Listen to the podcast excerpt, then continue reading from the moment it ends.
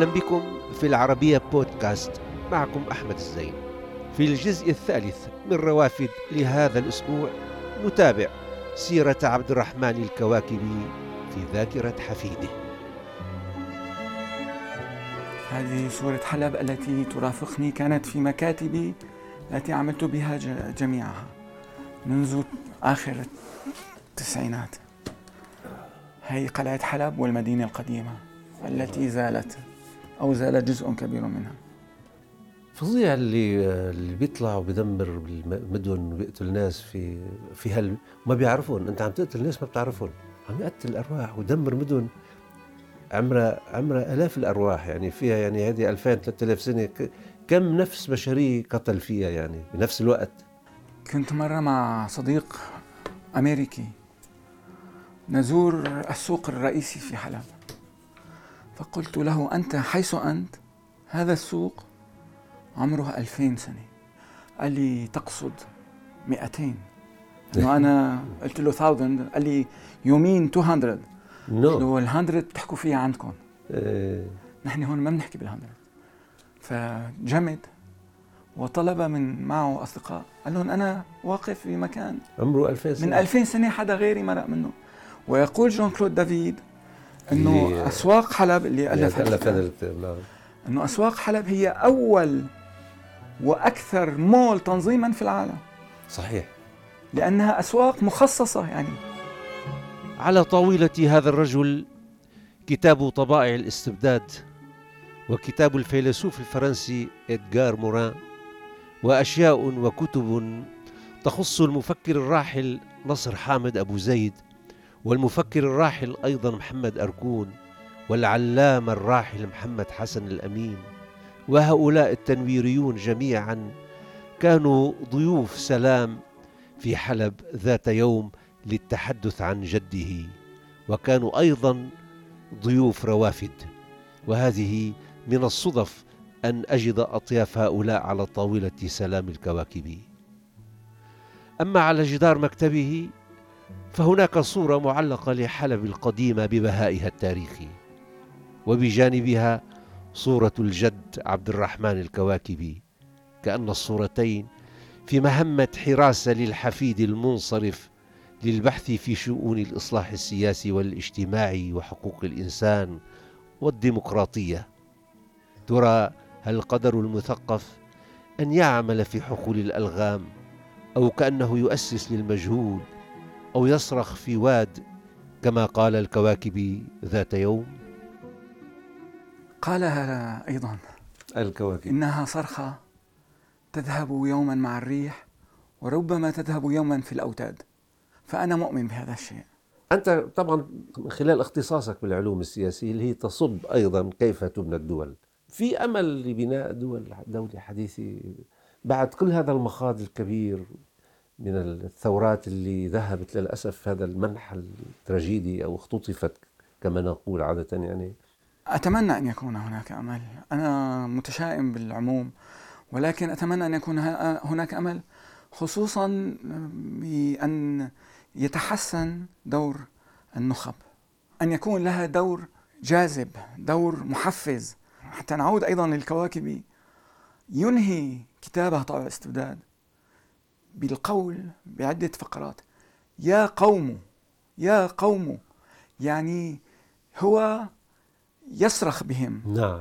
يناجيهم حتى أنه في بعض الأحيان يقسى عليهم. يقسى عليهم حتى تكون لديهم ردات فعل تتناسب مع ما ينتظره منهم.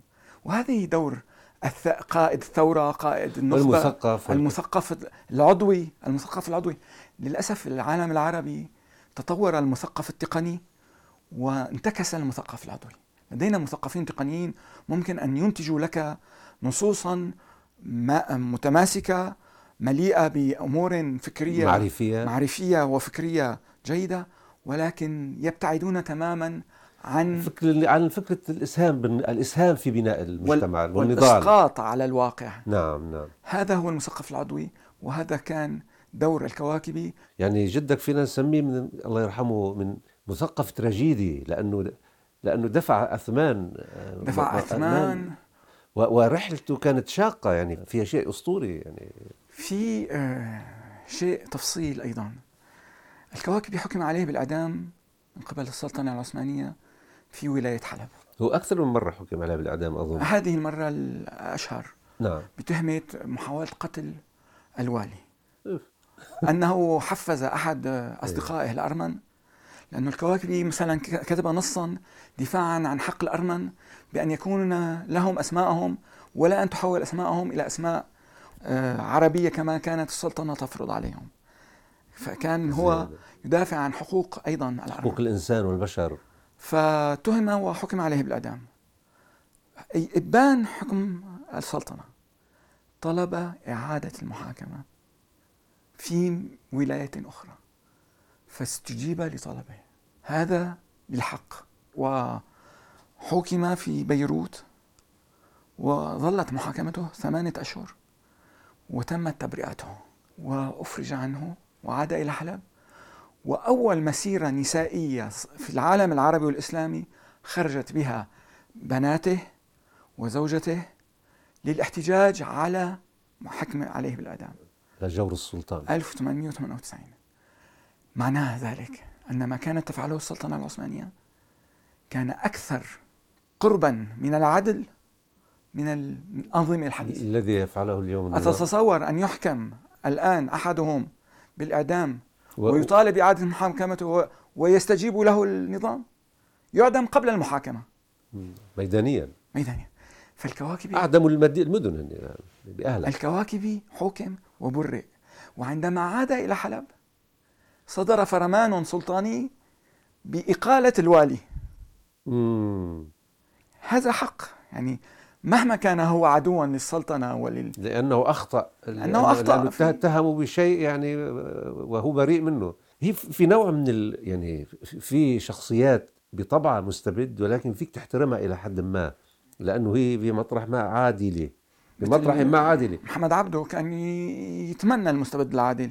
الكواكبي كان يقول له مستحيل أن يكون المست... أن يكون المستبد عادلا. وحين ذاك عين قاضي بعد تبرئته عين قاضي على رشية.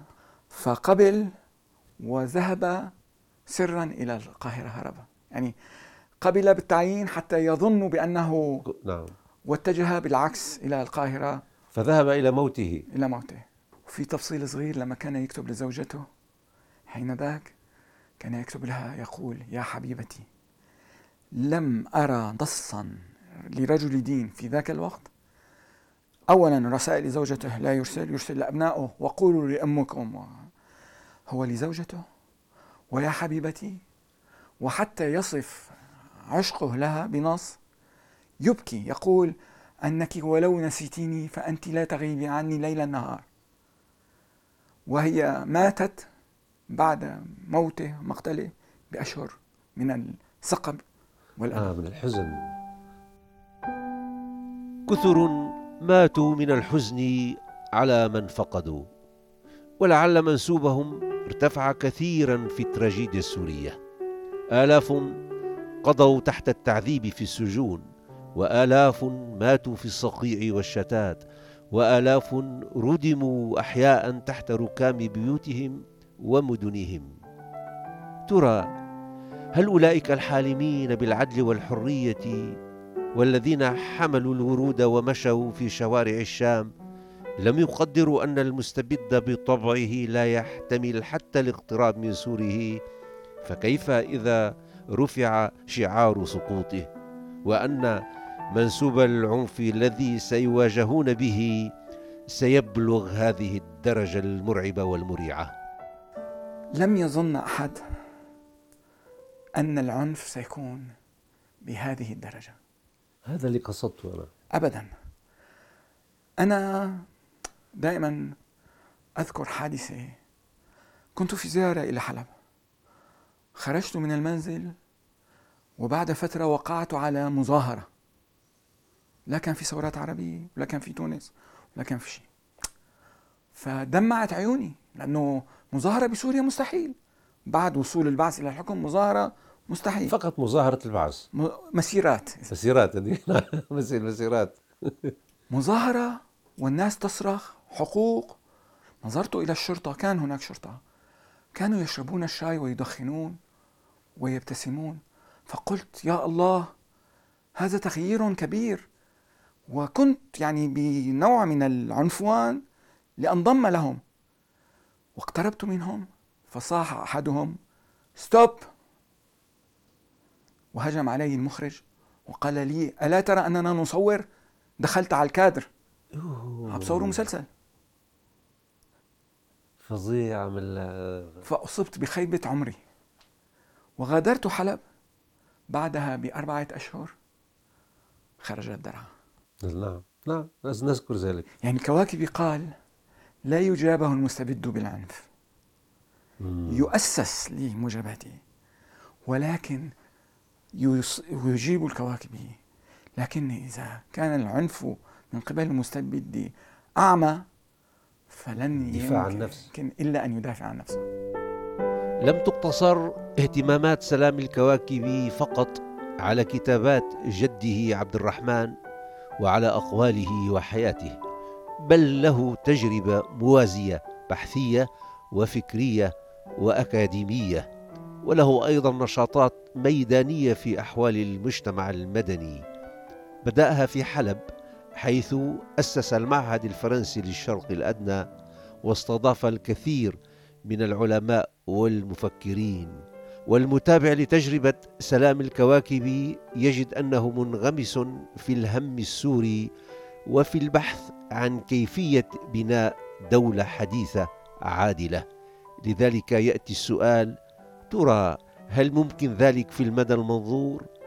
أم أن هذه التراجيديا المفتوحة على المجهول هي نكبة أخرى في تاريخ العرب خاصة وأن الشتات السوري قد يكون فريدا بعد أهوال الحرب العالمية الثانية. أعتبر التغريبة السورية أقصى أقصى بكثير. من تغريب الفلسطينية. من تغريب الفلسطينية. أعتبر أن في عمري لن أجد سوريا التي أحلم ولكن أعمل لها من أجل غيري. هناك جانب إيجابي جانب إيجابي أن السوريين كسروا جدار الخوف. وتخلوا عن ثقافة الخوف التي جلست على صدورهم لعقود. هناك أيضا ما يسمى بالشتات الناشئ وليس القديم الذي وصل شابا الجل الأكبر من الشتات شباب وصل شابا إلى ديمقراطيات في أوروبا. في أوروبا. ألمانيا وإيطاليا وفرنسا. تعرف إلى الأحزاب. هناك شباب الآن تنتمي إلى أحزاب أوروبية. هناك شباب من اللاجئين يتقدمون إلى الانتخابات. في ألمانيا في بريطانيا في إيرلندا في فرنسا ينجحون أو لا ينجحون.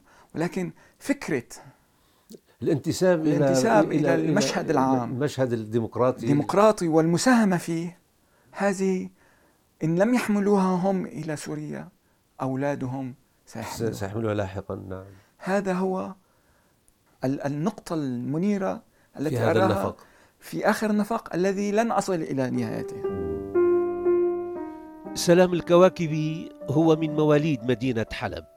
نشأ وتعلم في هذه الحاضرة التاريخية التي شغلته مبكرا وحملها معه في كل ترحلاته ويبدو أن سلام ورث تمرداته وأفكاره من جده عبد الرحمن الكواكبي ومن أبيه المتخصص في العلوم السياسية والذي لم ينجو أيضا من الاضطهاد والاعتقال في حقبة عبد الحميد السراج.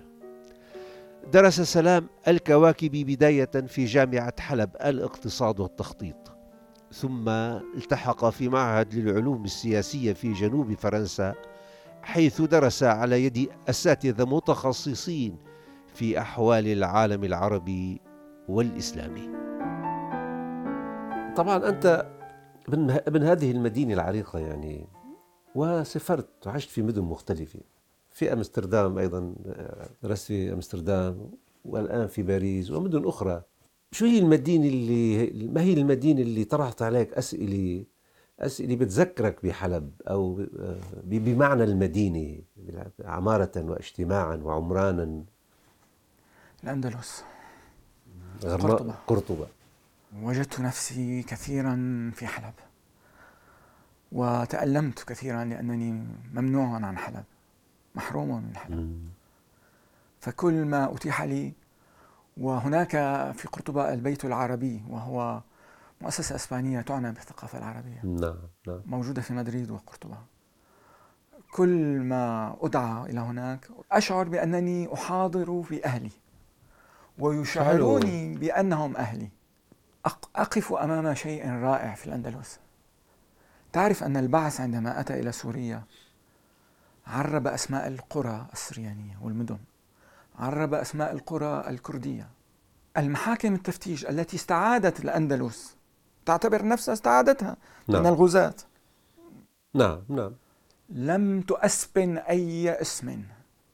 هناك بني الغالبون مدينة. بني عرفة مدينة الخروب مدينة الوادي الكبير الوادي الصغير الرندة. رندة أبو البقاء الرندي. مدينة الرندة. لكل شيء إذا ما تم نقصانه. وتذهب إلى غرناطة. غرناطة. تجد تمثالا لابن زيدون. مع أبياته لولادة بنت المستكفي بالعربية نعم نعم. وبالإسبانية. صح. يفتخرون بهذه الحقبة. نعم. على فكرة المرحلة الفترة الأندلسية العظيمة آه، فترة هي ليس الحنين إليها هو فقط. هي لأنها فترة كانت ذهبية منتجة وقائمة على التعدد يعني على شيء من الاعتراف بالآخر يعني كانت والا ما كانت الأندلس أندلس ولا كانت قرطبة قرطبة ولا كانت غرناطة غرناطة ولا مدريد مدريد. كانوا الأطباء من هذا الدين أو ذاك كانوا الفلاسفة من فارس أو من آسيا الوسطى كانوا القيادات العسكرية من دمشق. كان هناك إدارة للتنوع ما نبحث عنه الآن ما نفشل الآن في تحقيقه. أنا أتعلم دائما. أنا متعلم دائم لا أدعي التمكن من أي شيء. وأضع شكا في كل إطلاق لعبارة أو لفكرة. أضع الشك فظيع. حتى أفتح الباب للنقاش لأنني لا أحد يمتلك الحقيقة. يظل لك أنه ممكن هذه تكون وراثية هذه هذه يعني هذه الجينات الاهتمام بالمعرفة وبالشك وبال والبحث دائما عن البحث دائم هي وراثية من الجد يعني حتى أنا فكرة التعلم العلوم السياسية إنه بيك علوم سياسية. وأيضا الجد هو جزء من تجربته فيها كثير سياسي يعني. وعرف العلوم السياسية في كتاب طبع الاستبداد. عرفها تعريفا حديثي حداثيا. نعم. آه أنا أعتقد أنه العائلة آه حافظت على العلاقة في العلوم الإنسانية ما قبل عبد الرحمن كواكب. يعني عندما نقرأ آه في عندي مثلا كتاب يعود إلى القرن السادس عشر لمحمد أبو يحيى الكواكبي. آه، في آه، اسمه مقامات الكواكبي. يعني جد جده يعني. جد جده. كانوا دائما قريبين من العلم والفكر وبعيدين جدا عن المال والتجارة والصناعة. ما كانت مهنتهم يعني. آه، فورثت هذا أكيد في الجينات. ولكن أيضا وجودي في دولة منعت كثيرا من جيلي عن المعرفة آه، جعلني متعطش. متعطش للمعرفة ومتواضع فيها. أنا لماذا كنت أحب كثيرا لقمان وحسان آه، ونصر حامد أبو زيد ومحمد أركون؟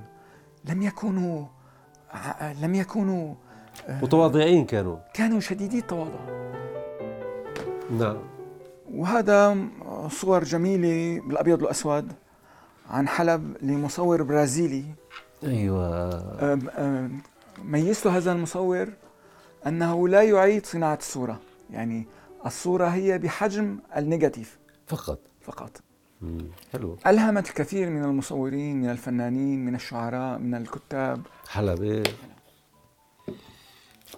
حلب يعني من المتنبي كمان ما ننسى جد جدنا جدنا. ربما لو ما كنت لو لم أكن حلبيا لكنت اخترت حلب. وليس غريبا أن كل القارئين والكتاب الأجانب اهتموا أن يكتبوا عن ما نقلته لهم حلب أكثر بكثير من باقي المدن. تعرف أن قلعة حلب فيها لقى حثية؟ يعني تعود إلى الألف الثالث قبل الميلاد في القلعة. عمل عليها الألمان. فأتى محافظ حلب. في 1980 وأذكر اسمه حتى لا ينساه التاريخ حسين بطاح وبنى على اللقى الحثية مسرحا بالإسمنت المسلح ليقيم حفلات رقص شعبي غيرة من مسرح بصرة الروماني. وعندما ذهب إليه رجال حلب حلب فيها ميزة أن أهلها حاولوا الدفاع عنها حتى في أيام الاستبداد. نعم. دفاع عنها على الأقل تراثيا. يعرفون قيمة مكانهم بيحبوه أسسوا جمعية العاديات في حلب منذ الانتداب الفرنسي فأسسوا أيضا جمعية أصدقاء القلعة التي تحولت لاحقا إلى جمعية العاديات. فهذه جمعية أيضا حاولت أن تدافع عن حلب لكن دمرت حلب بقرارات سياسية. أسوار حلب القديمة دمرت بالتراكسات بولدوزرات.